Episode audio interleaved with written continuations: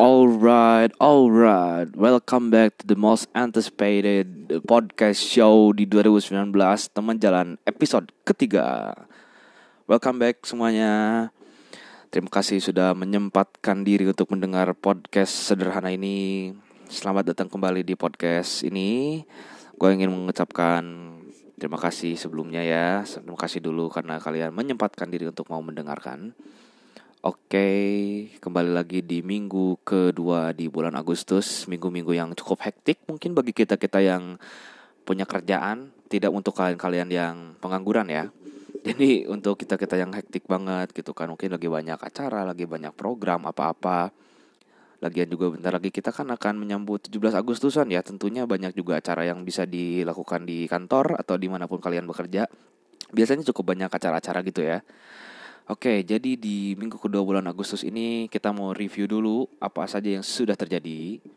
Yang pertama, naik lagi, mencuat lagi kasus-kasus artis yang tertangkap menggunakan narkoboy alias narkoba. Ini mungkin bukan sebuah berita yang menggemparkan ya karena dari dulu tuh cukup banyak juga berita-berita artis yang ketangkap narkoba itu mungkin memang di pergaulannya di Indonesia artis-artis tuh masih menggunakan narkoba mungkin. Gue nggak tahu.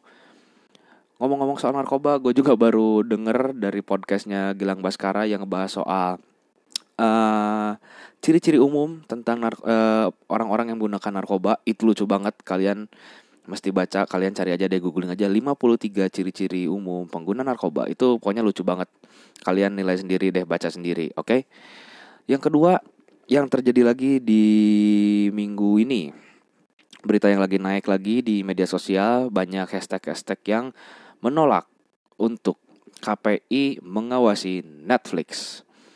Setelah sebelumnya YouTube dan juga Facebook juga ikut diawasi, akhirnya Netflix pun kena di sini gue juga um, tidak bisa berkomentar banyak karena komentar gue mungkin nggak bisa disebut valid juga karena gue belum belum dan bukan pengguna Netflix.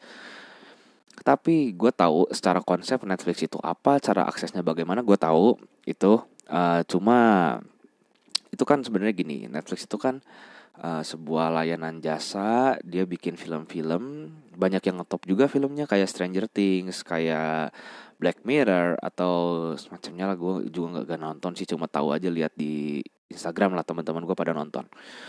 Oke, jadi intinya itu tuh layanan yang nggak semua orang bisa akses karena harus bayar dulu.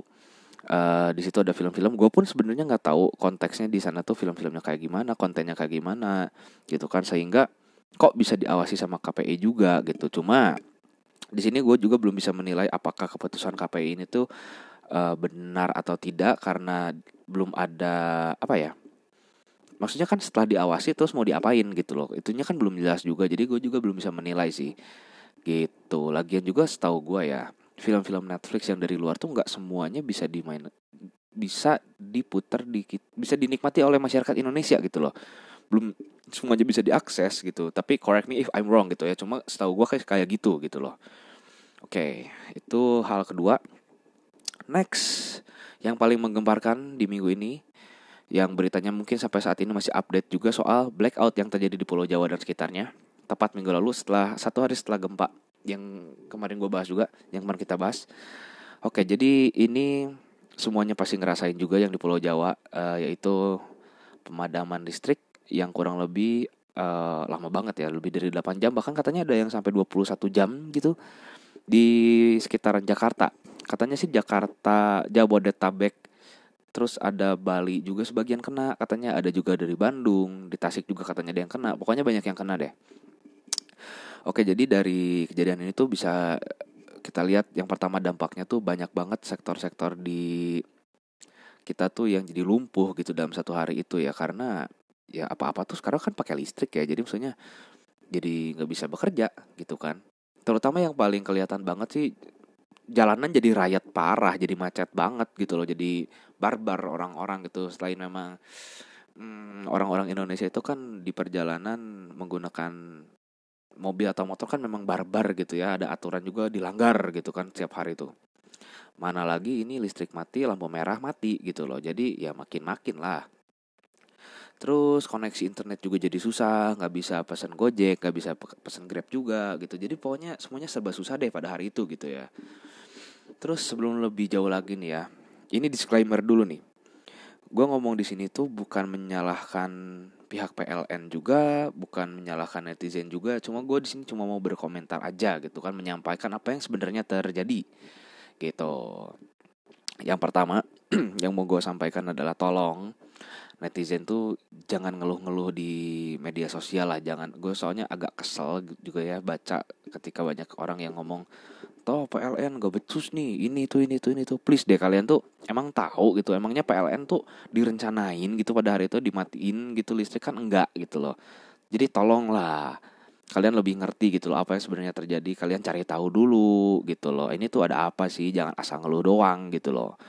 Lagian ya nih dengan matinya listrik pada hari itu yang cukup lama itu itu tuh total kerugiannya tuh 893 miliar ya di seluruh Indonesia. Ya pokoknya di bagian bagian-bagian yang kena itu ya 893 miliar. Dan pihak PLN harus ganti rugi sebesar 893 miliar itu juga. Dari mana uangnya? Uangnya dari pemotongan gaji karyawan. Oke okay? catat. Dari pemotongan gaji karyawan. Jadi balik lagi nih apakah kalian masih mau ngeluh gitu loh dengan kayak gini gitu loh kenyataannya apakah apakah kalian masih mau ngeluh oke okay?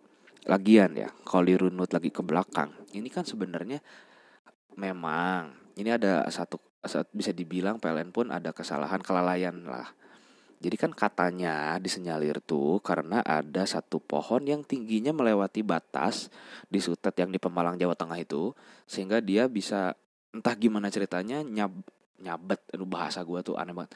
Jadi bisa kena ke sutetnya itulah jadi sehingga mati gitu loh pada itu. Tapi kan maksudnya gini PLN pun kan dia juga ada ada usahanya lah. Dia pun langsung uh, diatasi gitu loh secepat mungkin pada hari itu supaya kerugiannya nggak berangsur-angsur ke belakang gitu loh. Terus kalau dibahas lagi soal pemadaman gini ya ini kan sebenarnya baru-baru ini juga ini pun nggak jauh dari yang uh, pemadaman sejawa itu itu tuh di ada juga blackout yang cukup ini bahkan jadi berita dunia loh blackout yang di Manhattan New York yang seperti kita tahu juga bahwa New York itu kota yang tidak pernah tidur alias 24 jam akan selalu ada aktivitas. Bayangin di kota yang super sibuk itu mati listrik untuk waktu yang jangka waktunya itu cukup lama. Bayangkan kerugian yang ter, yang terjadi itu sebesar apa gitu loh. Jadi ayolah kita jangan terlalu uh, barbar gitu loh menyikapinya gitu. Jadi menyikapinya tolong lebih dewasa lagi, lebih calm lagi gitu loh. Jangan apa-apa tuh cepat ngejudge gitu. Nah itu kan dari cerita-cerita di luar sana gitu. Sekarang gue mau nge-share kalian nge-share ke kalian maksudnya cerita yang gue alamin ketika blackout di Cengkareng City ini. Kayak di sekitar kawasan gue inilah pokoknya. Jadi di hari itu orang-orang berebut pergi ke mall yang mana tujuannya pasti mau ngadem which is AC-nya pun mati ketika nyampe di sana jadi tetap panas-panas juga. Gue ngantri di salah satu fast food gitu gue mau makan.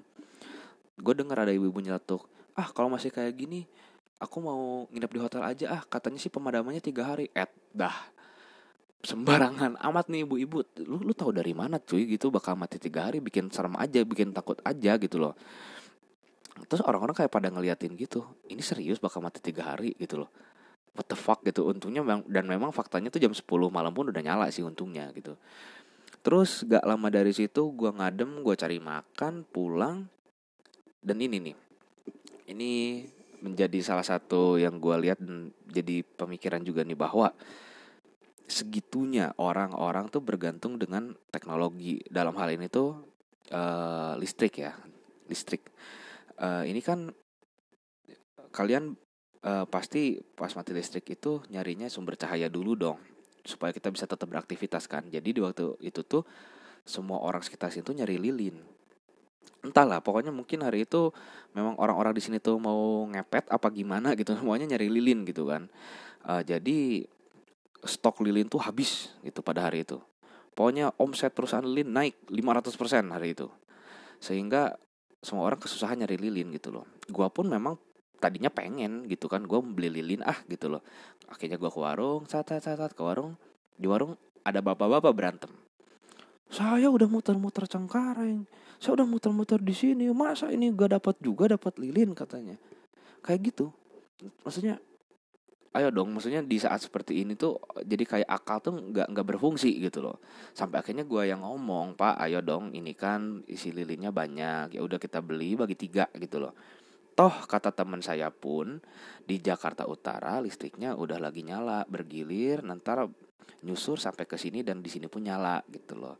Gue berharap seperti itu ya pada waktu itu tapi untungnya memang bener.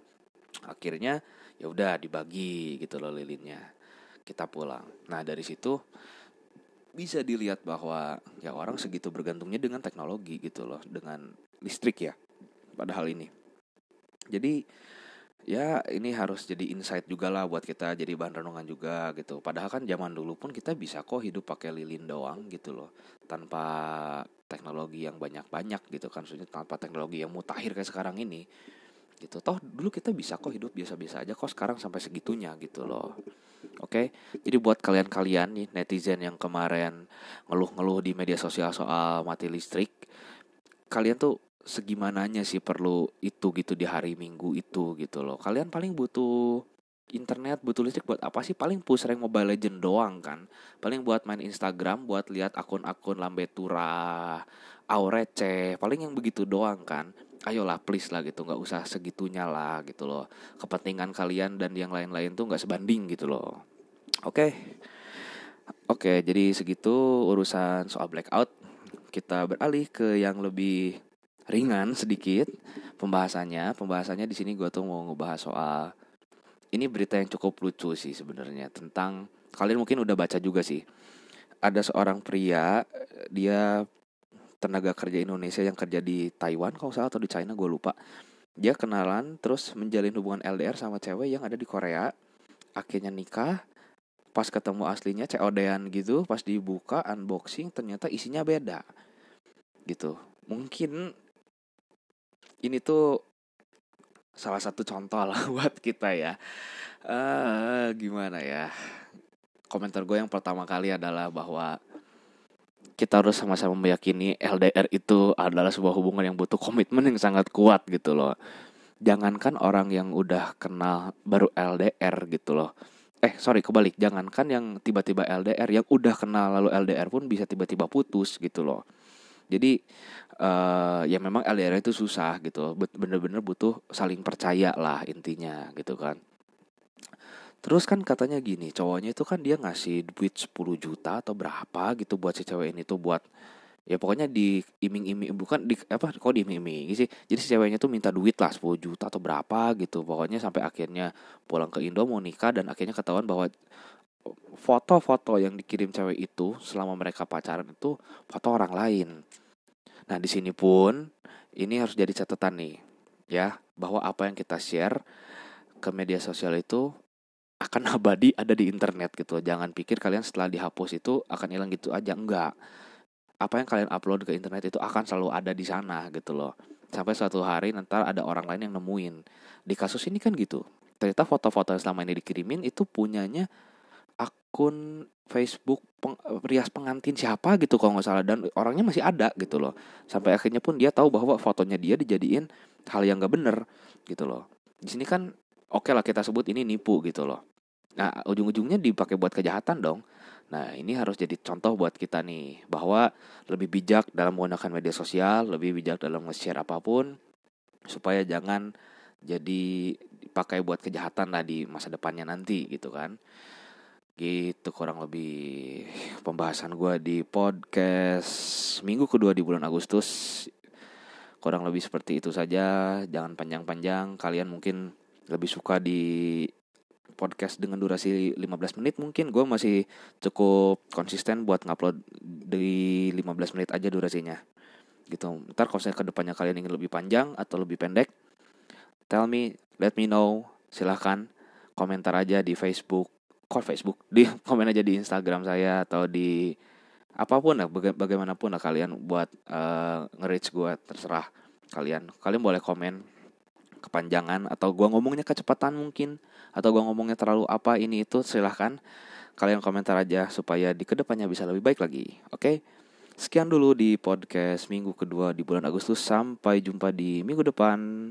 Salam gamers. Bye now.